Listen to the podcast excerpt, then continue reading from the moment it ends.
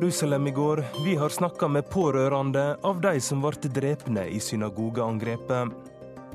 Vi har vært i Soken og kjøpt rusmiddelet Katt, som er alfa og omega i Jemen.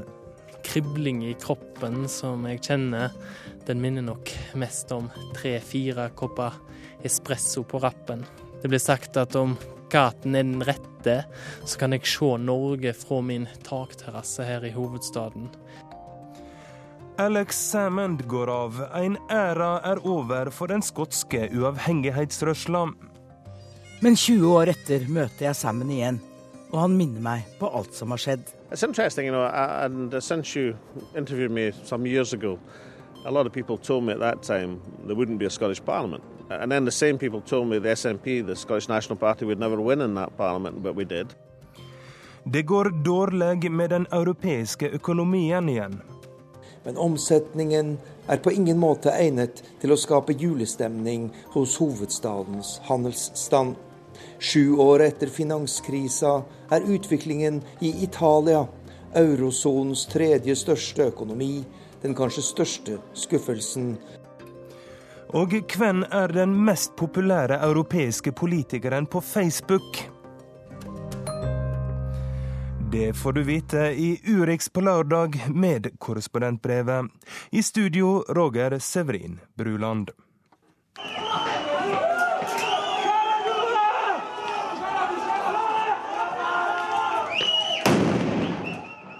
I går var det igjen sammenstøyter mellom palestinere og israelere etter fredagsbønna. Det har vært urolige veker i og rundt Jerusalem. Fem israelere er drepne i et angrep på en synagoge, medan den palestinske delen av befolkninga er rasende over det de mener er drapet på en bussjåfør, men som israelske leger hevder er et selvmord. Stridens kjerne er tilgangen til Haram el-Sharif, eller tempelhøgda som vi kaller den her til lands. Midtøsten-korrespondent Sigurd Falkenberg Mikkelsen er med oss direkte fra Jerusalem. Eh, hvordan er stemninga i byen? Det har roet seg noe etter eh, tirsdagen. Eh, det var også relativt rolig etter fredagsbønnen i går.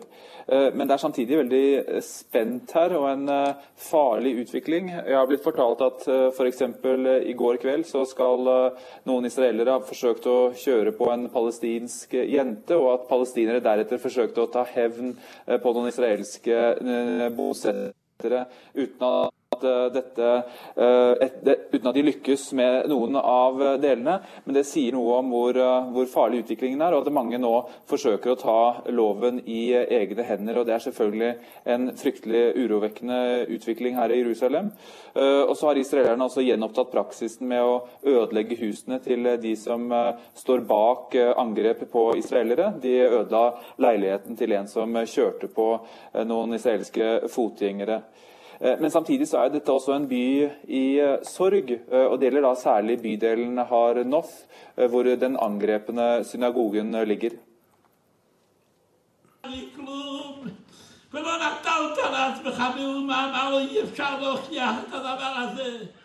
Det er sørgebønn her i Keliat Bnei Tora-synagogen i Jerusalem. Synagogen er fylt til randen med ortodokse jøder. Kvinner kledd i lange skjørt, skjorte og genser på balkongen, hvor de er skjermet fra å kikke ned på den mannlige delen. Der står menn tett i tett, mange av dem ikledd hvite sjal, slik flere av de drepte i synagogeangrepet tirsdag også var. En av dem var 43 år gamle Arie Kopinski. Noen hundre meter unna sitter hans bror David og forsøker å forstå hva som hendte. It seems like uh, it's been like forever. Like time has a different way of running when you're in this kind of situation. Det føles som det er uendelig lenge siden. Tiden er annerledes i slike situasjoner, forteller han da jeg treffer ham utenfor brorens leilighet, hvor familien nå er inne i sin ukeslange sørgeperiode, kalt shiva på hebraisk.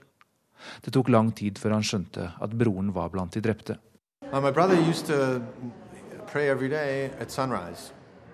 So, and that, that was his custom. There's a special um, time of prayer. Better to pray earlier than later if you can. And that's what he used to do. So we all thought that it couldn't, he couldn't have been there. Broren min pleide å be ved soloppgang hver dag. Det var slik han pleide å gjøre det.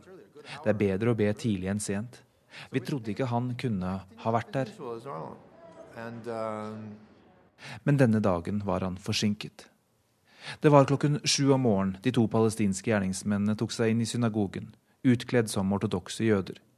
De to var fettere fra Øst-Jerusalem og jobbet på en butikk i nabolaget.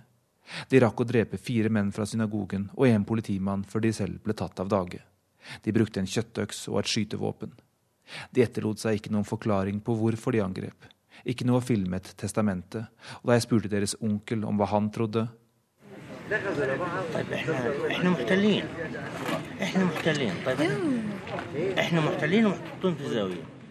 svarte han okkupasjonen at de følte seg trengt inn i et hjørne, at det var så mye uro rundt Al-Aqsa-moskeen. Det tok kanskje to og en halv time før David Kopinski skjønte at broren var død. I mean, um, I, I Jeg ble fylt av tristhet, og så husker jeg nesten ikke mer. Jeg tenkte på foreldrene våre, hvordan de skulle reagere, sier han. Angrepet skjedde i den israelske delen av Jerusalem, men både David og foreldrene bor i kolonier på den okkuperte Vestbredden. Det tok tid før de fikk samlet seg hjemme hos enken og de nå fem foreldreløse barna. Det var kaos overalt og lange bilkøer, men til slutt fant familien Arje på likehuset. David insisterer på at han ikke føler sinne. definitely not anger. It's pointless. It's not, there's no, nothing to... it's also a human emotion. Yeah, but I, I'm- I'm investing my energies and my emotions into the good that I can see. The amazing, tremendous amount of people. Jeg er definitivt ikke sint. Det er meningsløst.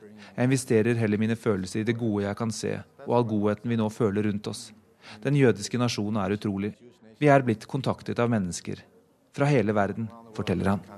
giving us support and in our time of need. And that's what that's what we're that's what we're thinking. And taking part and being part. I mean, that's one of the people that have been coming here, and a lot of people, hundreds. Uh, it's not it's not our personal mourning. It's the mourning the whole nation, and we're all part of it. And that's that's what we're that's what we're that's where our thoughts are and our feelings. Ja, Sigurd, vi hører her at eh, det er mer sorg enn sinne som eh, rører disse her pårørende. Eh, Hvordan var det å møte dem? Ja, det er klart at Dette var et, eh, et samfunn eh, i uh, sorg. Uh, Noen ville snakke med pressen, uh, andre ikke. Og det var også mange mennesker i området som var berørt av dette.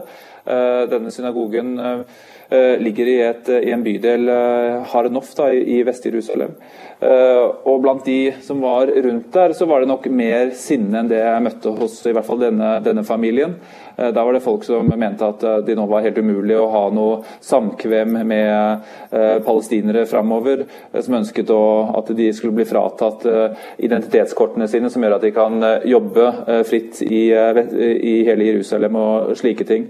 Så det var nok en, en ganske delt, delt stemning, og også, også ganske en rystet befolkning.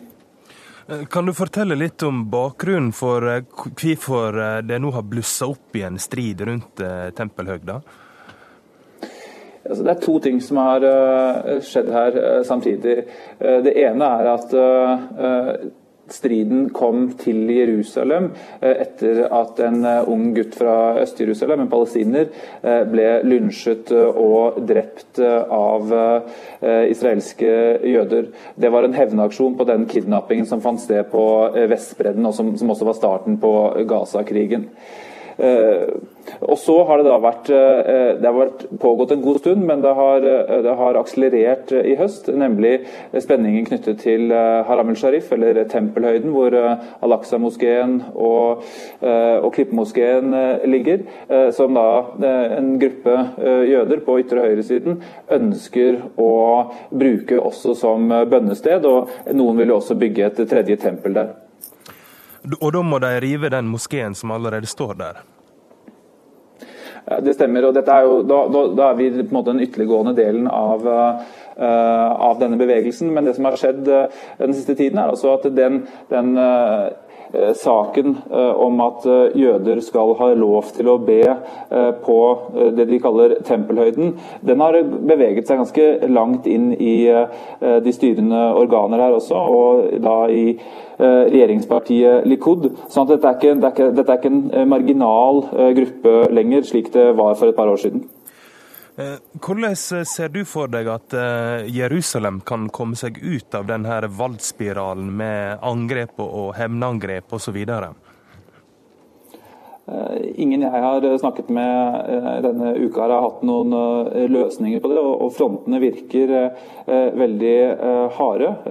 Og det er altså en vanskelig situasjon, også for, for Eh, apparatet til israelerne. fordi eh, her er det ikke noen murer de kan beskytte seg bak, eh, slik de prøver å gjøre med, med, med palestinere på den okkuperte Vestbredden. Så de er på en måte tvunget til å leve sammen, men det er altså en veldig farlig situasjon. og det er klart at den praksisen de har nå har gjenopptatt med å ødelegge leiligheten og den type kollektiv avstraffelse som det er, som menneskerettighetsorganisasjoner kaller krigsforbrytelser, det ikke, bidrar ikke til å bedre på stemningen. Eh, men samtidig så har vi også sett at de har tatt noen av signalene på alvor her. og F.eks. Eh, i går så var Al-Aqsa-moskeen åpen for bønn for eh, alle aldersgrupper, menn og kvinner. Og det gjorde at fredagen stort sett gikk rolig for seg her i Jerusalem. Du får ta godt vare på deg sjøl. Sigurd Falkenberg Mikkelsen var det fra Jerusalem.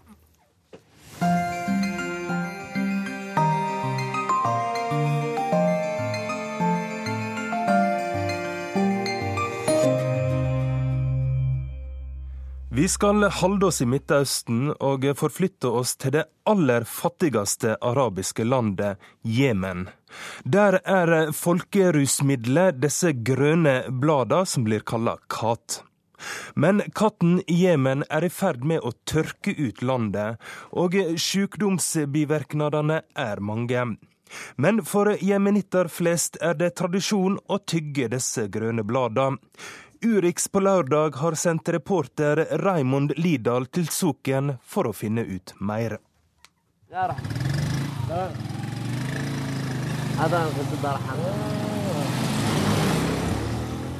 Jeg er på et oppdrag, og med meg har jeg venn, sjåfør og livsnyter Ayman el-Husheish.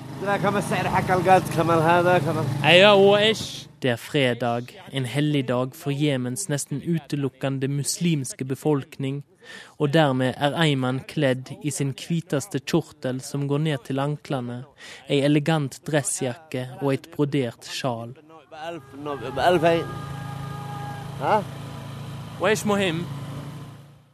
Vi kjører til en av de mange gatemarkedene i hovedstaden Sanaa.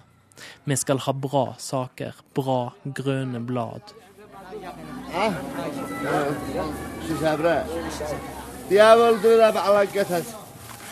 Gi oss en pose, sier Eiman til den mildeste katselgeren vi finner. Det er viktig å tenke på pris og hva type kat du vil ha, forteller han. Om du vil sove senere på kvelden eller ikke. Men mitt oppdrag Det mangler ikke rapporter og organisasjoner, vestlige og jemenittiske, som fordømmer kattygging. Det kan beviselig føre til munnkreft, søvnløse, impotens, og kattdyrkinga tar 60% av vannet i denne hovedstaden, som innen 2020 går tom for nettopp vann. Så hvorfor holder tygginga fram? Hva er det som lokker? Vi har kjøpt vår pose med de skarpgrønne bladene i, og vi kjører mot vår tyggestad. Katen er fra Hamdan, nord for Sanna. Den er bra, lover Eiman. Det koster 15 kroner og skal rekke en hel ettermiddag.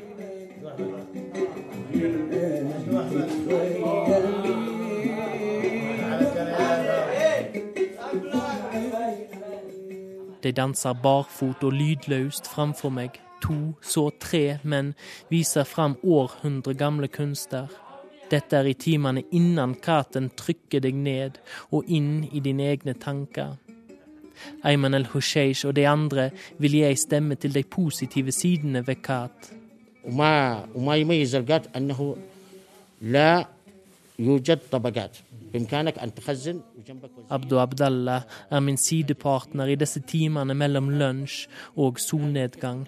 Han tygger òg blad fra Hamdan, som jeg. Det han liker best, er at Gat ikke kjenner samfunnsklasser, sier han. En statsråd kan sitte og tygge med en menigmann, og det er helt normalt. هو هو وسيله للاجتماع بين للناس Han forteller at Gat samler mennesker. At Gat er et sosialt bindemiddel og et demokratisk verktøy. Rundt oss sitter 13 menn, og alle vil diskutere med hverandre, opplyse og informere. Ingen Gat, ingen debatt.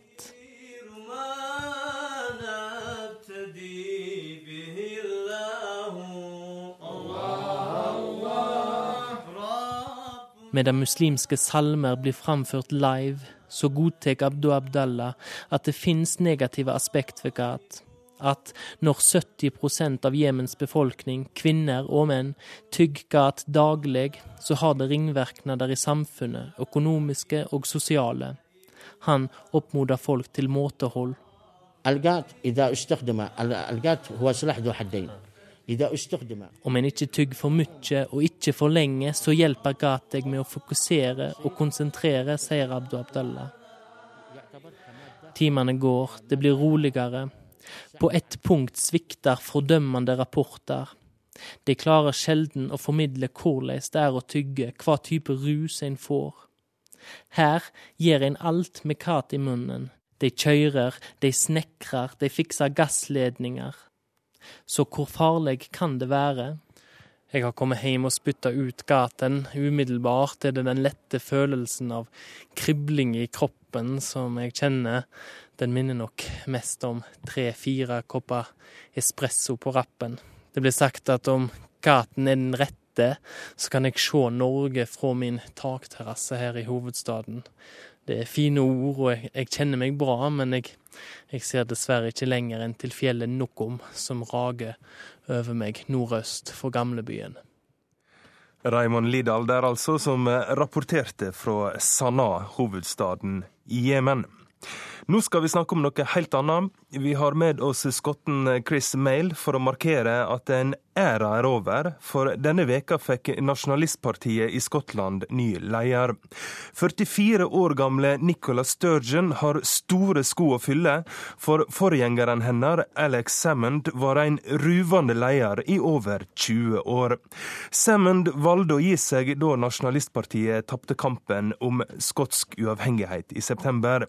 Vi skal snakke med deg, Chris, om litt, men først skal vi høre en reportasje fra Anette Groth. Hun har nemlig fulgt Semmend i over 20 år. Han er en mann som kan fremkalle jubel som får tak til å løfte seg. Det gjorde han ved avskjeden sin denne uken. Det skotske nasjonalistpartiets leder har vært på en utrolig reise siden 1990. Med unntak av fire år som parlamentspolitiker i London har han ledet nasjonalistene i Skottland fra skanse til skanse. Det kulminerte med folkeavstemningen om selvstendighet tidligere i høst. Og selv om nasjonalistene tapte den folkeavstemningen, så har de ikke tenkt å gi seg. I sin avskjedstale denne uken minnet Alex Salmon statsminister David Cameron om løftene han kom med før avstemningen.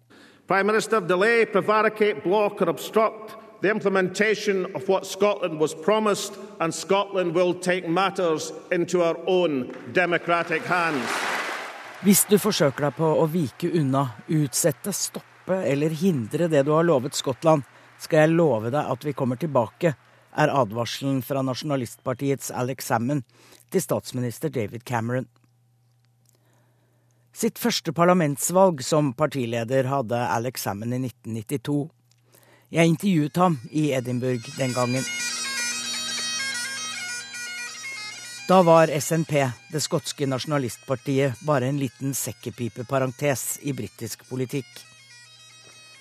Ingen trodde de skulle markere seg med annet enn kilter, whisky, Braveheart og Sean Connery.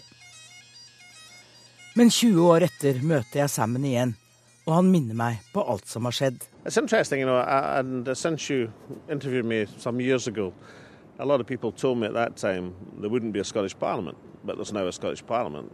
And then the same people told me the SNP, the Scottish National Party, would never win in that Parliament, but we did. And then they said we'd never win a majority in that Parliament, but we have. Siden du intervjuet meg for alle de årene siden, har det skjedd mye, sier Alex Salmon.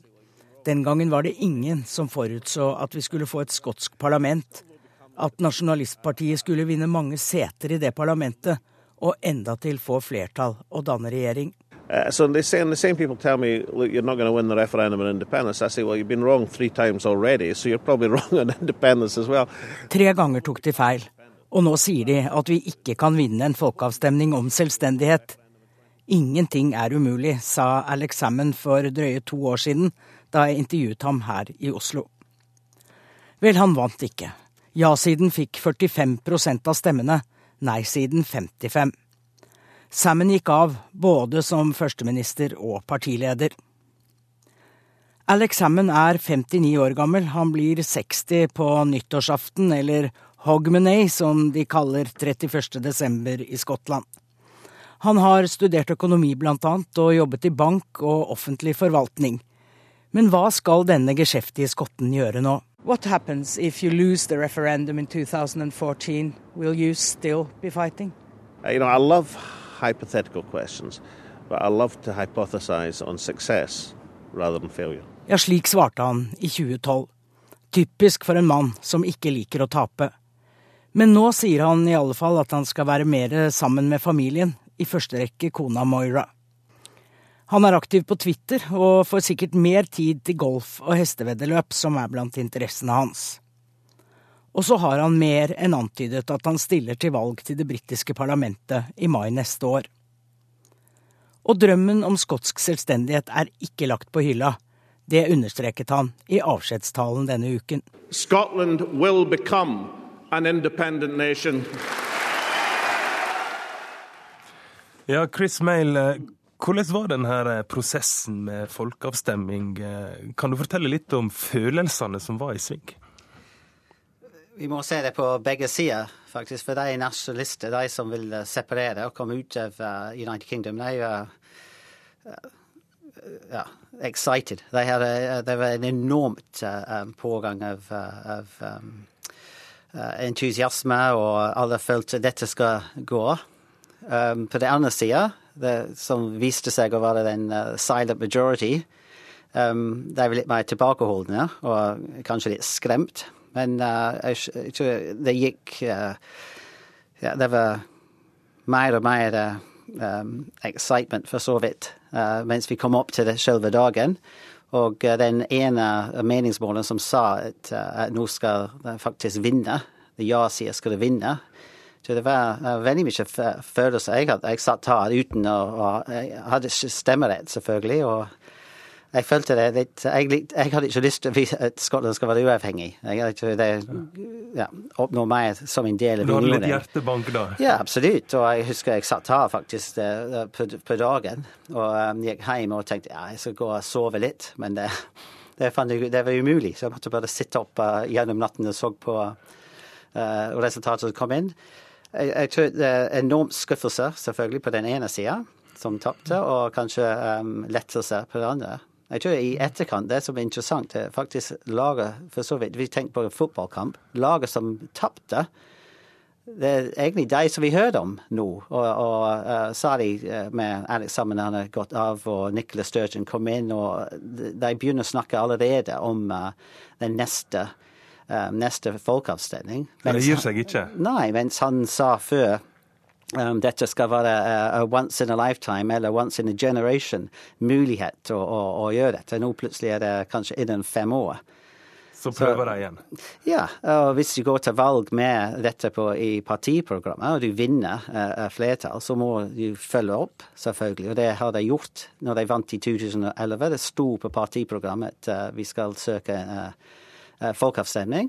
Så hvis de vinner på nytt um, uh, i, i, 2016, selvfølgelig innimellom der, så har vi uh, UK-parlamentvalg. Uh, Ja, Til neste år så er det mm. valg i Storbritannia. Hva ja. rolle kan det her nasjonalistpartiet spille der? Akkurat nå jeg tror jeg har to-tre, er det fem um, representanter.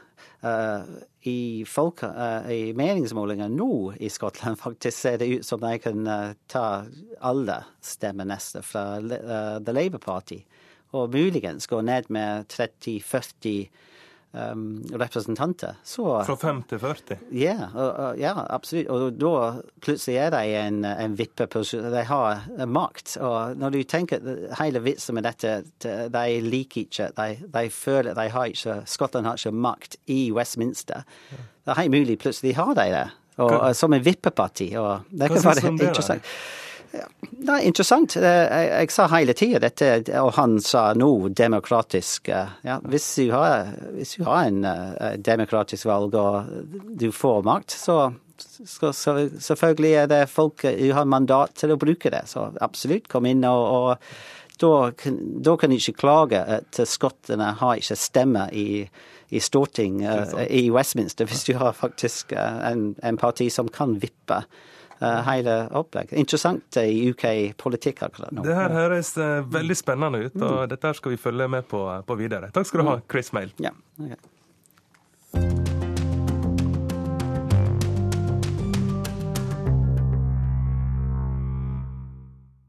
Satsing på jenter er nøkkelen til økonomisk vekst i fattige afrikanske land.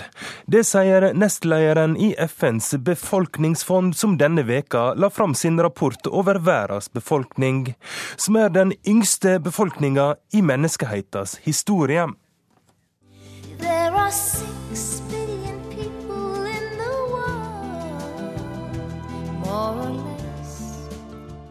På de ni årene som har gått siden Katie Melua skrev denne sangen, har verdens befolkning vokst til 7,2 milliarder.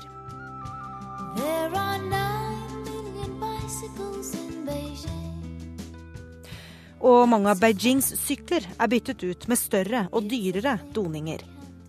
Der hvor den store forskjellen er i dag, det er at det er relativt litt investering i piger i alderen fra 10 til 19. Ja, det er, det rapporten. Piker, jenter. Nestleder Anne Birgitte Albrigtsen i FNs befolkningsfond blar i sin ferske befolkningsrapport. Der viser hun til Asias økonomiske vekst, og takker nettopp jentene for den. I 1970 der var utviklingsnivået i det østlige Asien og i Afrika syd for Sahara noenlunde det samme. I 1960 der var Indonesien og Nigeria præcis på samme udviklingsniveau. Og i dag der er Indonesiens øh, bruttonationalprodukt dobbelt så højt som Nigeria. Og hvad gjorde de til forskel? Ja, det er ikke fordi deres styreform var specielt meget anderledes. Det er ikke fordi korruptionen var mindre. Øhm, det er heller ikke fordi at, religionen var anderledes. Men man, man kan virkelig isolere det til. De investerede i unges øh, uddannelse. De sørgede for, at piger kom ind i uddannelsessystemet, kom ud på arbejdsmarkedet, og at de satsede meget stort på familieplanlægning, sådan så øh, fertiliteten faldt, og de netop fik den der store arbejdsstyrke, der kunne producere for landet. Mm. Og øh, hvis Afrika syd for Sahara, landene der, de lavede de samme investeringer, så ville de kunne vækste med 500 millioner dollar om året de næste 30 år. Men jenter får ikke alltid muligheten. Her hører vi over 200 skolejenter i bønn i FNs eksempelland Nigeria. De ble kidnappet av den islamistiske voldelige gruppa Boko Haram for et halvt år siden. Ingen vet hvordan det har gått med dem. Du brukte Indonesia og Nigeria som eksempel her.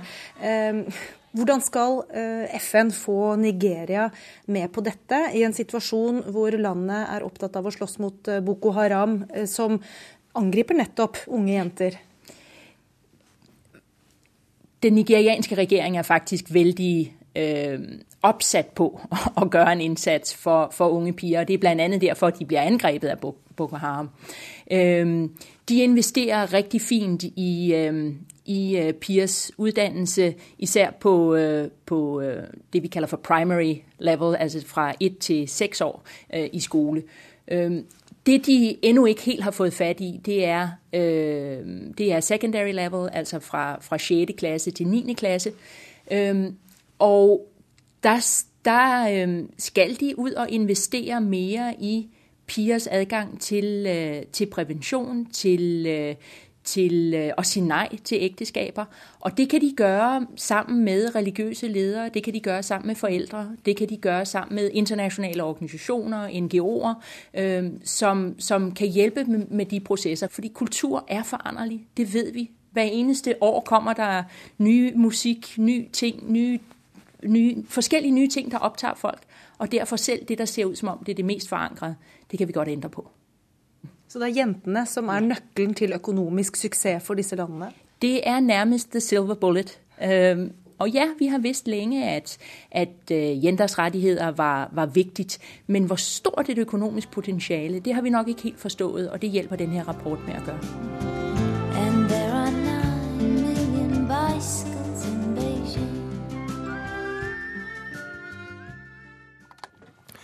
Det var Gry Blekastad Almås som hadde møtt nestlederen i FNs befolkningsfond. Snigler og larver kan bli viktige for å brødfø verden i framtida. Vi spiser altfor mye kjøtt, mener forskerne, og vi må finne nye veier til protein. Belgia er såleis et foregangsland. Ihre Gesprächspartner sind Professor Dr. Michael Hüter, der Direktor des IW Köln. Institutt for tysk økonomi ønsker velkommen til pressekonferanse her i Berlin denne uka. Og ekspertene fra den prestisjetunge tenketanken i Köln har dårlige nyheter for Tyskland og Europa. Deutschland fällt im Grunde von einem erwarteten 2%-Pfad für den Zuwachs des Bruttoinlandsprodukts zurück auf einen 1%. Tyskland faller nå tilbake fra en forventet vekst på 2% til bare 1 og vi ser ingen bedring for 2015, sier professor Michael Hyter. Veksten blir altså bare halvparten så stor som ventet neste år, og dette merkes over hele Europa. I tillegg sier tyske bedriftsledere at de vil investere mindre neste år, fordi de økonomiske utsiktene er blitt dårligere enn de var for få måneder siden, sier professoren. Den dramatiske utviklingen i Ukraina og de økonomiske straffetiltakene mot Russland er en av årsakene til svekkelsen i tysk økonomi. Tyskland har et omfattende økonomisk samarbeid med Russland, og mer enn 6000 tyske selskaper er etablert i landet, noe som gjør tyskerne mer økonomisk sårbare overfor denne konflikten enn andre EU-land. I tillegg er utviklingen i Frankrike og Italia en stor skuffelse.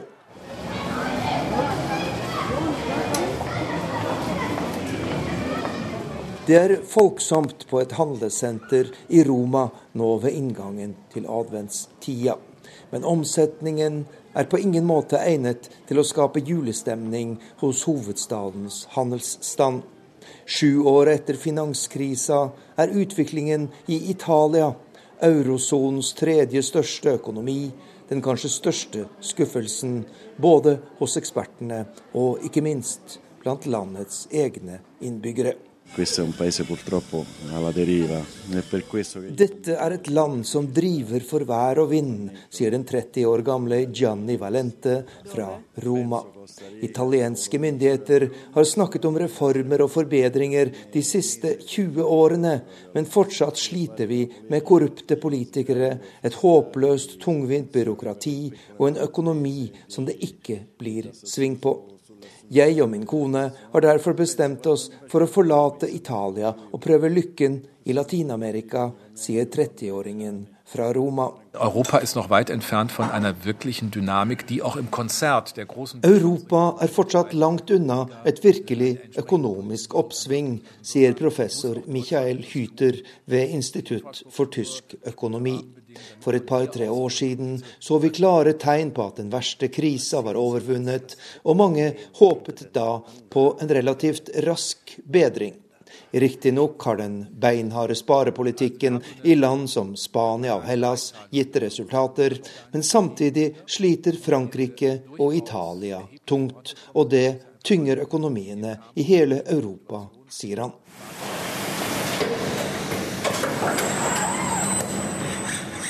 Den tyske bilindustrien og resten av tysk økonomi har greid seg bra gjennom Europas dype krise.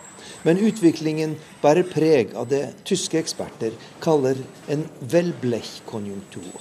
En bølgeblikk-økonomi som svinger i små bølger uten noen markert vekst eller nedgang. Slik har det vært her i Tyskland i tre år nå, og det er ingen endring i sikte, sier Michael Hyter, som nå ser en klar økonomisk tredeling i EU-området. På den ene siden har vi kriseland som Hellas og Spania, der det er klare fremsteg, men fra et veldig lavt nivå. Den andre gruppa er Frankrike og Italia, som ble mindre hardt rammet av krisa, men som har gjort for lite for å effektivisere sine økonomier. Og til slutt har vi land som Tyskland, Østerrike og landene i Norden som har klart seg bra, men som også har sine problemer, sier professor Michael Hyter ved Institutt for tysk økonomi. Det var selvsagt vår mann i Berlin vi hørte her, Arnt Stefansen, som rapporterte om mørke skyer over euroøkonomien. Nå skal vi til Belgia, der vår europakorrespondent Åse Marit Befring har besøkt et insektslakteri som lager insektpålegg. I think in the future that you can find the grasshoppers on a dish as you can see now with the shrimps. Familiebedriften Kreka er en av få produsenter i Europa som selger insekter og larver som menneskemat. Insekter skal være rike på protein og langt mindre skadelig for miljøet enn produksjon av kjøtt. Ifølge forskerne er dette fremtiden, men i mange land foreløpig ikke lov å selge til mennesker. If I gave you a handful of dry worms, it's not interesting to eat. But if you can, if I tell you here you have a burger or a meatball with insect proteins inside and you cannot see them, but it is tasting very well, then you will eat it again. Fristelsene står i kø i en vanlig matbutikk. Hyllene bugner av vin, og det er travelt foran kjøttdisken. Innen 2050 vil kjøttforbruket i verden øke med rundt 70% ifølge forskerne. I Belgia har de tatt dette på alvor. Noe nytt har derfor funnet veien inn i butikkhyllene. En puré laget på tomater og larver her i Belgia så kan du få kjøpt eh, både burgere og nuggets og snitsler og andre ferdigprodukter som er laget av larver og insekter. Og det er det eneste EU-landet som tillater dette i butikken. Restauranten Bugson Lunch åpnet også dørene etter at loven ble endret. Og er den eneste av sitt slag i Belgia. Som navnet tilsier, serverer de insekter til alle retter. Off crème brulé med insektekrumble. Smaker faktisk godt.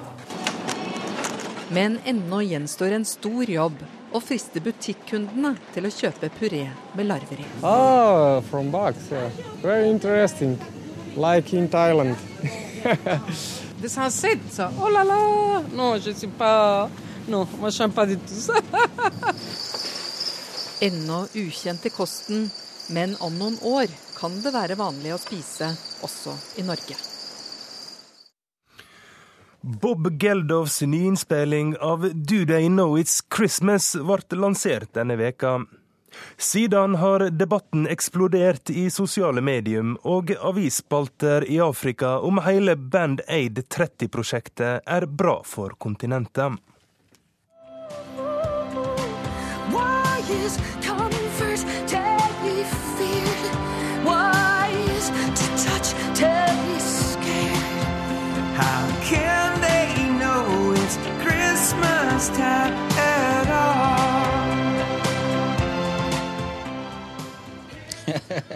Um, why don't we know that it's Christmas? The, the lights are out there in the malls.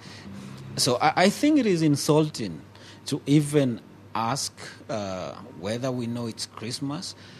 Visst vet vi at det snart er jul. Julelysene er allerede tent i kjøpesentrene. Bare spørsmålet er en fornærmelse mot oss afrikanere. I dette kontinentet bor en fjerdedel av alle kristne i hele verden, sier George Gattegay. Han passerer plastjuletreet i foajeen i resepsjonen på Best Western i Nairobi, på vei opp til takterrassen, der caffè latten er god og utsikten praktfull over Nairobis skyline. Den passer en moderne storby i et land med ambisjoner i sterk økonomisk vekst. Det er det lite snakk om i vestlige medier, mener George. Han er politisk kommentator og underviser i kommunikasjon. I, think it is unethical to sort of uh, take advantage of uh, a challenge su such as Ebola to bring you know, to bring yourself back in, into the limelight. I think what Geldof is trying to do is trying to, re, uh, to reinvent himself 30 years later. And, and um, Ebola is probably one of, of, of, the worst choice he would have taken, or he should have taken. George er lettere oppgitt over det inntrykket Geldof skaper av Afrika som et fortapt kontinent som nesten ikke er til å redde. Det er uetisk å bruke ebola-tragedien for å komme tilbake i rampelyset.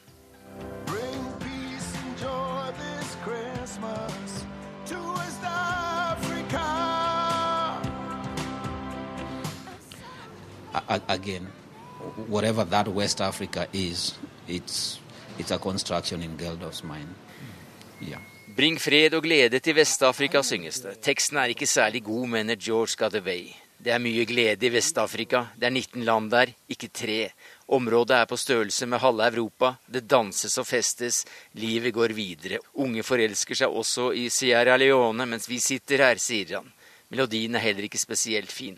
Vest-Afrika har produsert mer relevante sanger om ebola helt siden april.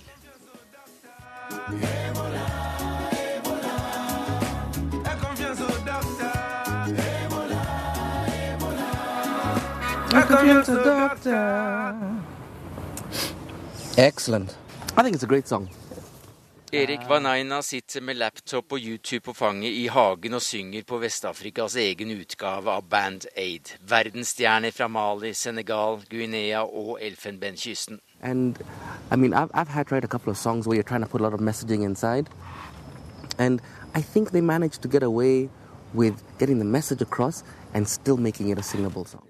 Han har solgt millioner av plater her i Kenya, og synger selv så ofte om urettferdighet at han skal ha østafrikansk rekord i antall sanger som er forbudt på nasjonale radiostasjoner. Erik Wanaina skulle gjerne vært med på dette afrikanske stjernelaget, og har samarbeidet med flere av dem, også denne mannen, Salif Keita.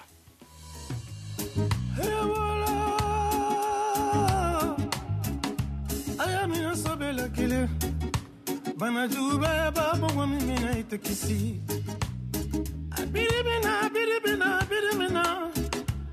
Ikakebile dɔgɔtɔrɔ sola wodokidi dɛmɛ Vainaina synes det er trist at en slik viktig, riktig og kjempebra sang ikke får større oppmerksomhet, mens Geldof var i all verdens medier i flere dager. I think it's an interesting balancing act that we have to strike here, Tom. Um, um, Bob Geldof is doing.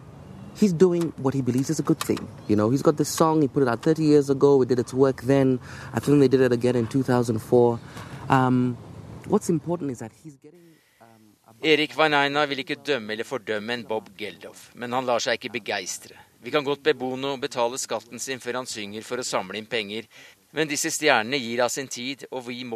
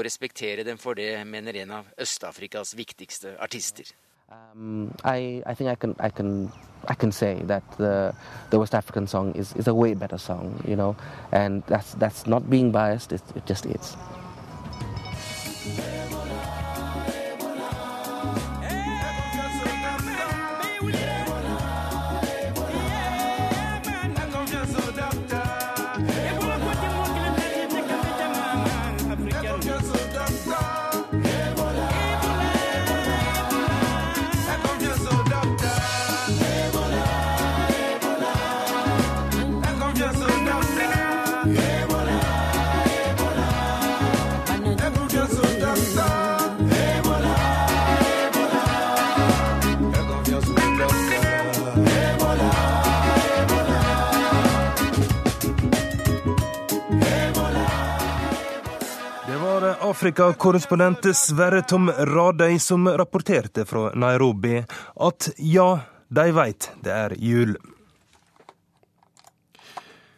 I Romania har korrupsjonskampen fått et løft etter at den etnisk tyske Klaus Johannis vant presidentvalget forrige uke. Det er meldt om flere arrestasjoner, og Johannis lover å følge opp med justisreform. Johannis var tidligere kjent som lokalpolitiker i Transilvania. Nå har han i løpet av ei veke blitt den mest populære europeiske politikeren på Facebook. Han har 1,2 millioner likes. Det er 300 300 000 mer enn Angela Merkel. Og det er sosiale medier som har fått mye av æra for at Johannes vant valget. Han kommer fra ei gammel tysk slekt som har bodd i Transilvania, eller Sibenburgen som det heter på tysk siden middelalderen. På rumensk blir Transilvania kalla Ardeal, og vi burde kanskje ha skjønt det. Den overraskende valgsigeren til Johannes har fått hele Ardeal til å jodle.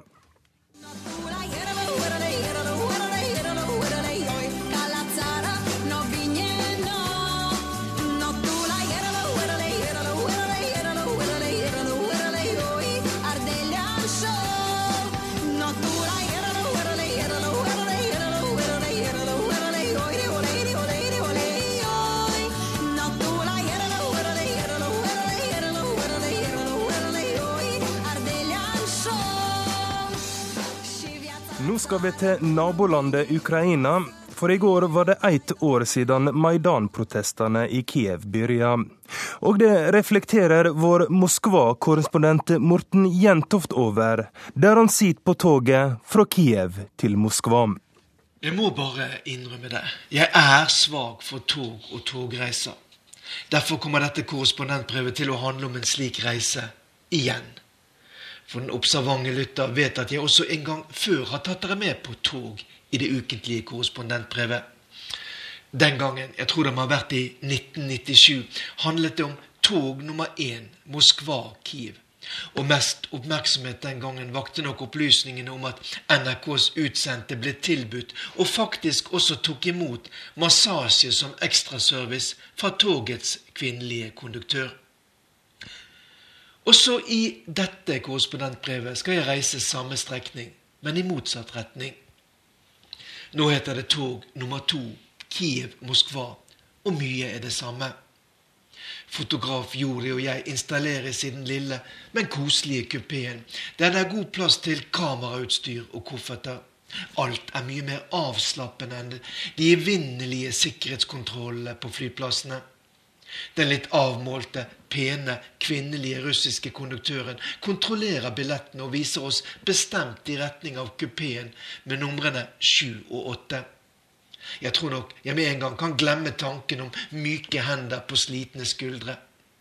Kupeen er rein og fin med hvit duk på bordet og puter og sengetøy pent oppredd.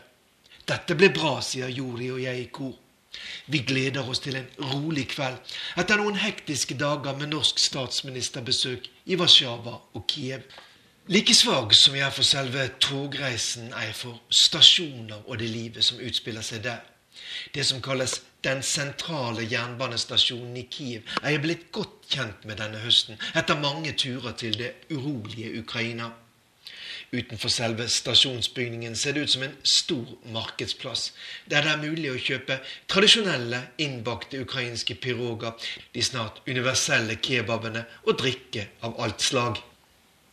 Overalt høres ropene fra sjåfører med minibusser som tilbyr reiser til lave priser til mange byer og steder rundt i dette store landet øst i Europa. Selv går jeg innom et lite supermarked for å handle ukrainsk julesjokolade. Fint å ha med som gaver når jeg kommer hjem til Norge om en måned. Julesjokoladen er selvfølgelig av merket Rosjen, grunnlagt av en av Ukrainas rikeste menn, den nåværende presidenten Petro Porosjenko. Og så et par flasker med øl fra bryggeriet i Lviv. Det beste i Ukraina, ifølge Juri. På veien tilbake til plattformen og toget ser jeg mange menn i uniform og med soldatsekker på ryggen. Ukraina er et land i konflikt. En statistikk som ble offentliggjort av FN på torsdag, viser at det har dødd 13 mennesker i gjennomsnitt hver eneste dag bare siden den såkalte våpenhvileavtalen ble innført 5.9. Det er ingenting som tyder på en snarlig løsning på konflikten mellom de prorussiske separatistene i Donbass og regjeringen i Kiev. Allerede på stasjonen i Kiev dukker grensevaktene opp for å kontrollere passene. Det samme gjør en meget høflig og vennlig ukrainsk tollbetjent som vil vite hvor mye jordisk kamera koster. Men ellers er han bare smilende og synes det er hyggelig at NRKs team har vært i den ukrainske hovedstaden og møtt både statsminister og president. Alt dette gjør at vi slipper å bli vekket midt på natten for kontroll. Ukrainerne og russerne har genialt nok funnet ut at dette like godt kan gjøres på start- og endestoppet. Kiev ligger midt i Ukraina, og de fleste togforbindelser går via den travle stasjonen her i hovedstaden. I et land som er i konflikt, så er det interessant å gå rundt her. Bare noen minutter før vi skal avgå til Moskva, dunker toget til Simferopol ut i den mørke kvelden. Fremdeles binder toget hovedstaden på Krim sammen med resten av Ukraina, selv om halvøya i ble annektert av Russland etter en omstridt folkeavstemning. Jeg ser også en lystavle der det står at fra denne perrongen avgår toget til Luhansk. Den byen er i dag hovedstaden i Folkerepublikken Luhansk, som i praksis styrer seg selv, og som ukrainske myndigheter sier de ikke lenger vil overføre penger til. Jeg lurer meg ned på perrongen, der jeg fornemmer en ganske dyster stemning. Kjører dere virkelig helt fram til Luhansk, spør jeg den kvinnelige konduktøren, som holder på å stenge døren til den slitne vognen hun har ansvaret for. Ja, nå gjør vi faktisk det, sier hun, og forteller at det inntil videre er relativt rolig langs togstrekningen og inne i selve byen. Men toget må krysse den nesten 500 km lange frontlinjen mellom de prorussiske separatistene og regjeringsstyrkene. Og helt ufarlig kan det umulig være når det meldes om flere titalls skyteepisoder i Donbas-området hver eneste dag. Så kjører endelig tog nummer én ut fra stasjonen i Kiev, litt etter den oppsatte tidtabellen som henger ute i korridoren. Og jeg må bare si det med en gang. Standarden på dette toget er høyere enn på det ukrainske toget vi reiste med på samme strekning tidligere i høst. Russiske myndigheter har da også investert store penger i jernbanenettet de siste ti årene. Sjefen Vladimir Jakunin er da også en av den russiske presidenten Vladimir Putins nærmeste allierte og støttespillere. På toget er det selvfølgelig restaurantvogn, og konduktøren, det er en av dem i hver eneste vogn med denne type kupeer, tilbyr oss rykende varm te i flotte glass med vakkert utformede metallholdere. Jori og jeg velger likevel å åpne hver vår øl ved hjelp av den fastmonterte flaskeåpneren som finnes under bordet i kupeen på alle tog her borte. Mens vi ifølge Joris avanserte mobiltelefon er kommet opp i en hastighet på 127 km i timen. Det er bare noen hundre kilometer opp til den russiske grensen. Det var denne strekningen, ifølge EU-president José Manuel Barroso, Vladimir Putin skal ha sagt at russiske stridsvogner kunne ha unnagjort på tre timer, og dermed tatt den ukrainske hovedstaden i et jafs. Og selv om det hele fra russisk side er seinere avvist som en spøk, så ble den tatt på alvor i Ukraina. Og ukrainske eksperter måtte bare gi den russiske presidenten rett. Det var i alle fall for noen måneder siden lite Ukraina kunne gjøre for å stoppe Russland hvis det kom til en full militær konfrontasjon.